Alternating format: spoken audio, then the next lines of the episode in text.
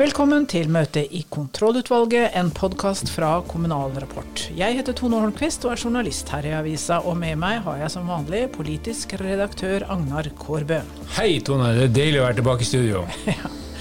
Først i dag skal vi høre hva Venstre vil med kommunene, i tillegg til å la dem selge cannabis. Stortingsrepresentant og tidligere ordfører i Eid, Alfred Bjørlo, er med i studio. Og så er det tre kommuner, store kommuner som vurderer å innføre parlamentarisme. Vi skal snakke med utreder Hannah Jones i rådgivningsselskapet Ideas to Evidence om akkurat dette med kommunal parlamentarisme. Og så får vi kollega og utviklingsredaktør Espen Andersen i studio for å snakke om åpenhetsbarometeret i Kommunal Rapport, som vi har laga, og som det har vært stor interesse rundt. Og til eventuelt så blir det en verdensrekord. Er dagsorden godkjent, Tone? Dagsorden er godkjent, og møtet er satt.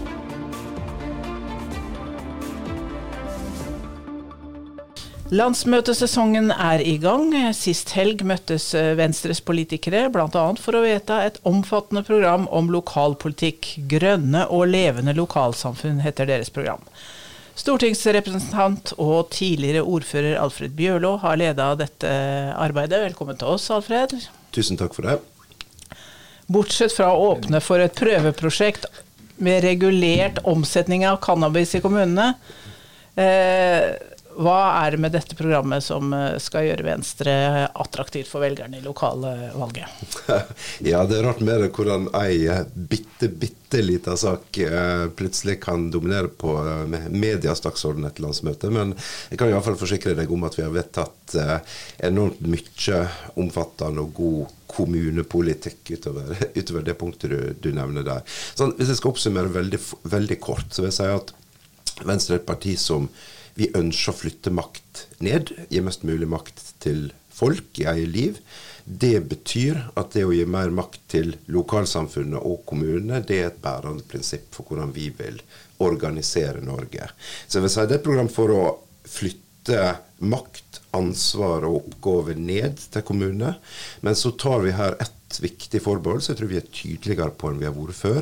Og det er at klima- og naturkrisa nå er så stor og overhengende. Der har vi et globalt ansvar, et nasjonalt ansvar, som må være førende i enda sterkere grad enn før for alle, også kommunene. Det betyr at dere rett og slett vil styre kommunene og fylkeskommunene litt mer på det området? Ja, Det betyr at vi både vil gi kommunene og fylkeskommunene mer nær sagt ansvar, mer virkemiddel. Eh, men òg nær sagt mer styring i den forstand at vi mener at f.eks.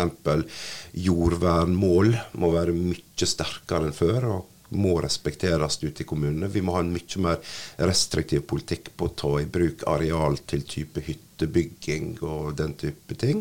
Og vi må òg forvente og forplikte klimakutt eh, av norske kommuner. Så på disse områdene der, der eh, sier vi at kommunene ja, de skal få større ansvar, men òg veldig tydelige føringer. Dere vil jo innføre et klimabudsjett og klimaregnskap innen 2020, 2025. Er det realistisk? Ja, vi, vi, mener det fordi at eh, eh, nå begynner dette å komme på plass i en del kommuner. Altså Nå begynner på en måte metodikken og systematikken å komme på plass. Da er det mye enklere for andre kommuner også å, å komme etter.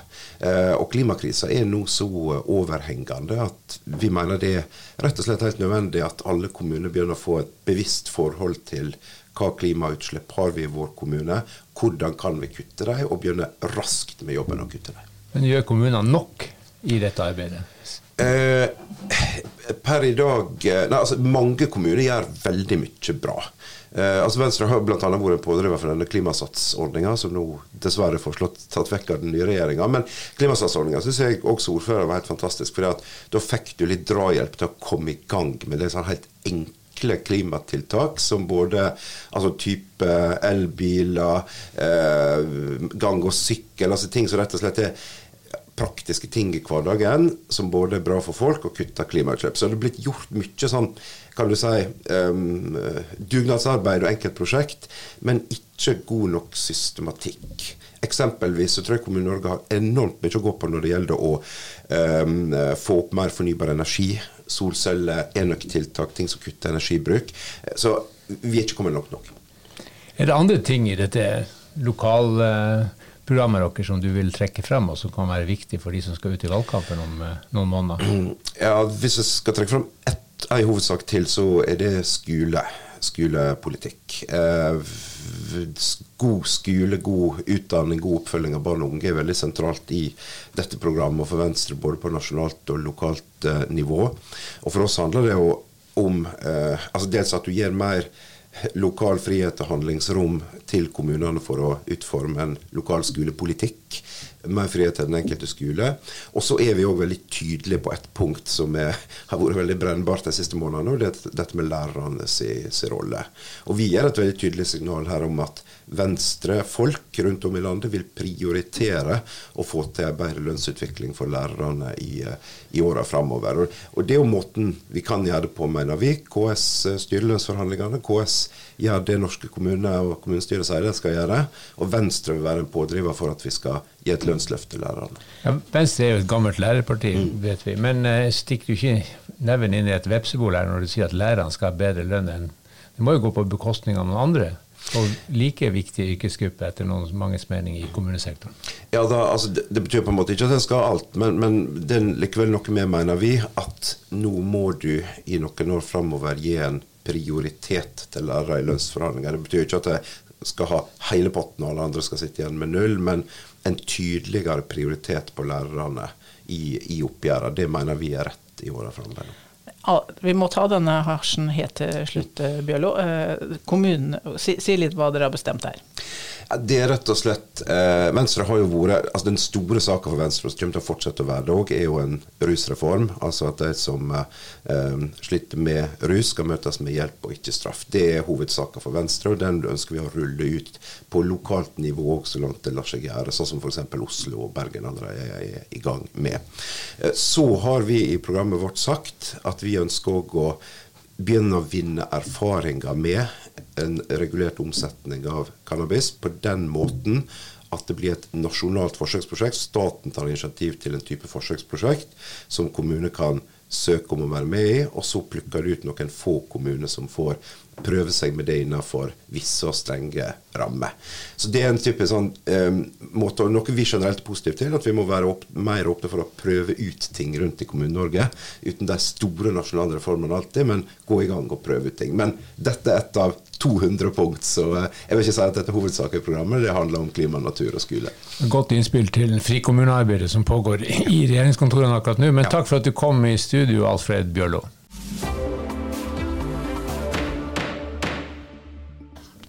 Flere kommuner vurderer å erstatte den gode gamle formannskapsmodellen med parlamentarisme. Og er det en eh, god idé? Eh, vi spør eh, Hanna Jones, utreder i konsulentselskapet Ideas to Evidence i Bergen. Hun har vært med og arbeidet med rapporter både for Kristiansand og Stavanger om fordeler og ulemper med parlamentarisme. Velkommen til oss, Jones. Takk for det. Hva kan en kommune eh, få til med parlamentarisme versus eh, formannskapsmodellen?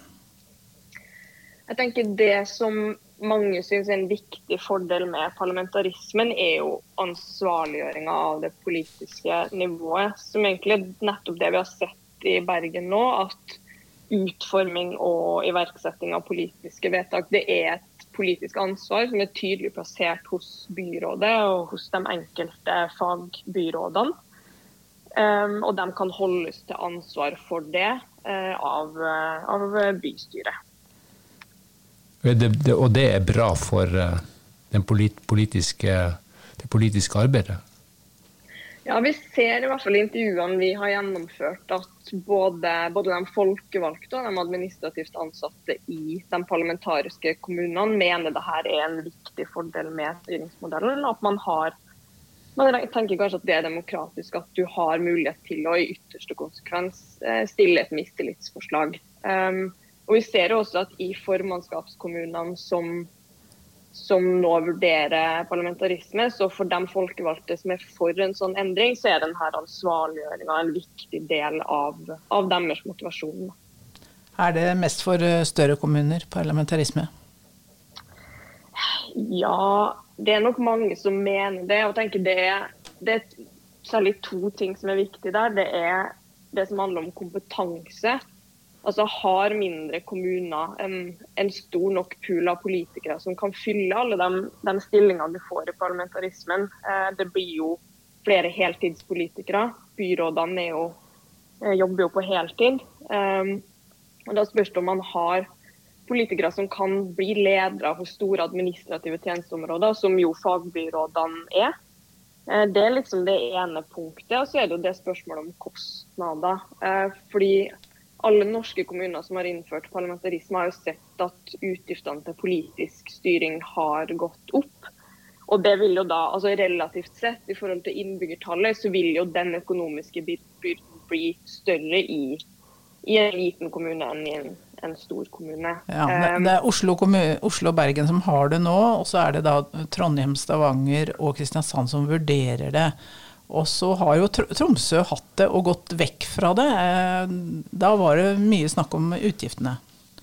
Ja, det var jo det. Analyser vi har gjort, viser at altså, utgiftene per innbygger var betydelig høyere i Tromsø da de hadde parlamentarisme, enn det Oslo og Bergen brukte eh, på samme tid. da.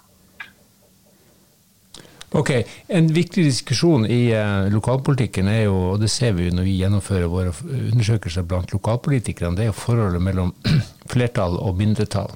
Opposisjon og posisjon, som det da kanskje heter innenfor parlamentarismen. Blir det forholdet bedre? Blir det for opposisjonen mer eller mindre makt?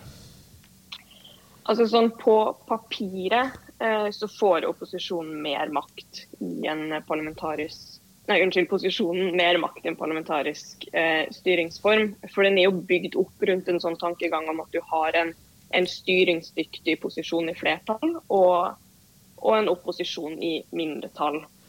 Eh, men så har vi jo sett i praksis at eh, de fleste av byrådene som har vært i norske kommuner, har jo sittet i mindretall. Og Det gjør at det blir nødvendig å søke kompromisser og konsensus med støttepartier i bystyret. sånn at hvordan det arter seg i praksis, er nok litt ulikt enn hvordan den idealmodellen for parlamentarisme ser ut på papiret. Da. Kan det bli mye politisk spill med parlamentarisme? Jeg tenker at det kan bli mye politisk spill både med parlamentarisme og med formannskapsmodell. Ehm, det er også, I og med at vi kun har to norske kommuner som har parlamentarisme nå, så er det jo litt vanskelig å påvise at trender man ser, eh, skyldes styringsformen som sådan. Og det heller, altså I forskninga er ikke det noe grunnlag for å si at parlamentarisme gir en mer konfliktprega eh, politikk enn det formannskapsmodellen gjør. Um, F.eks. så viser en evaluering av parlamentarismen i Bergen, som ble gjennomført ganske kort tid etter skiftet av styringsformen, riktignok, men den fant at konfliktnivået var ganske likt både før og etter skiftet. Eh, alltid, bråk i, alltid, bråk i, Bergen, selv om det er det samme hvordan ja. man snur og vender på det. Ja, det er jo kanskje sånn. Og også Oslo-parlamentarismen har blitt regna som mer konsensusorientert enn det Bergen var da Bergen hadde formannskapsmodell. Så jeg tenker jo at det er, det er nok en del andre ting som spiller inn her enn kun styringsform. Hannah Jones, takk skal du ha for at du opplyste oss litt om uh, forskjellen på parlamentarisme og, formannskapsmodell. Vi venter spent på hva de bestemmer seg for i Stavanger, Kristiansand og Trondheim.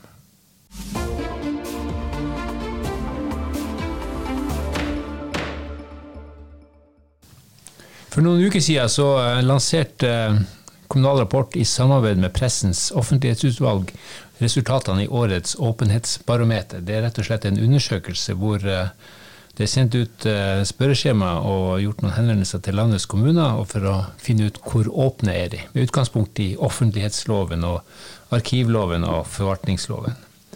Eh, Ørland og Rindal, to kommuner i Trøndelag, kom godt ut og lå på toppen, og du kan lese mer om disse kommunene på Kommunal Rapports, i Kommunal Rapports utgaver. Men men Espen Andersen, du er utviklingsredaktør i Kommunal Rapport har vært sentral i dette arbeidet. Hvorfor eh, gjennomføres en sånn undersøkelse? Får ikke kommunene nok eh, plagsomme spørsmål? Jo, de får mange plagsomme spørsmål, men de blir jo bedre for hvert plagsomme spørsmål de får.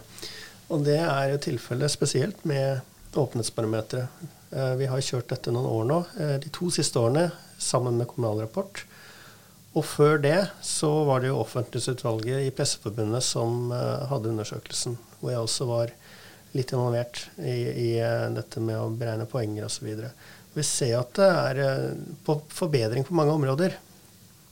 Men hvordan står det til med åpenheten i Kommune-Norge? Som sagt, det blir bedre. Og, og, og jeg tror også at denne undersøkelsen bidrar til å sette mer fokus på det.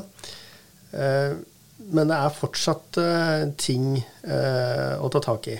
F.eks. dette med interne dokumenter som holdes hemmelig eller holdes unna de offentlige journalene.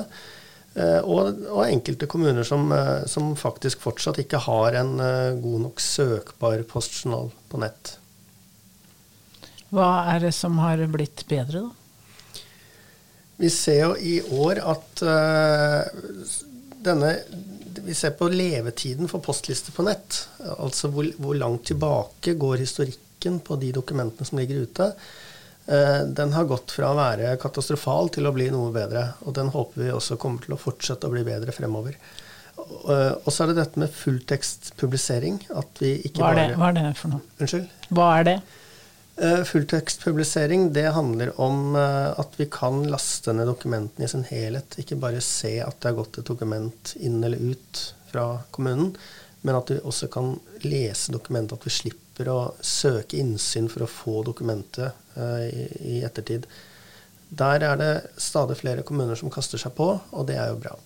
Hvordan blir det disse, denne, dette maset om åpenhet mottatt i kommunene?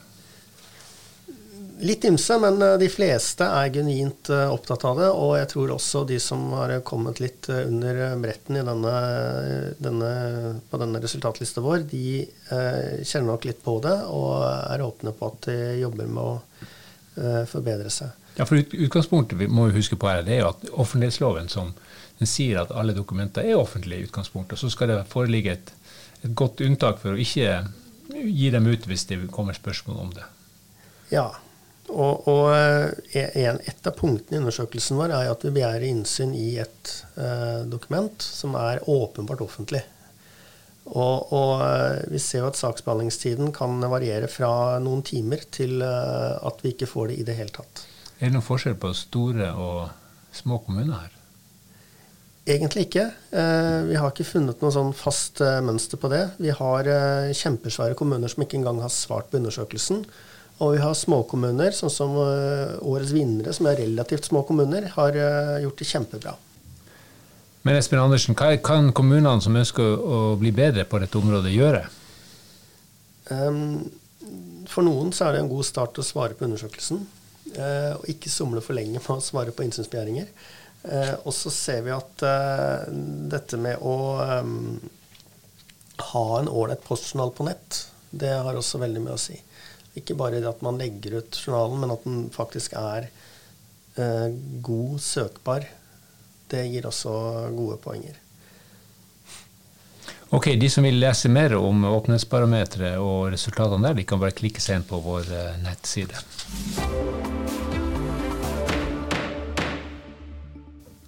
Da har vi kommet til eventuelt, og der har vi til behandling en verdensrekord.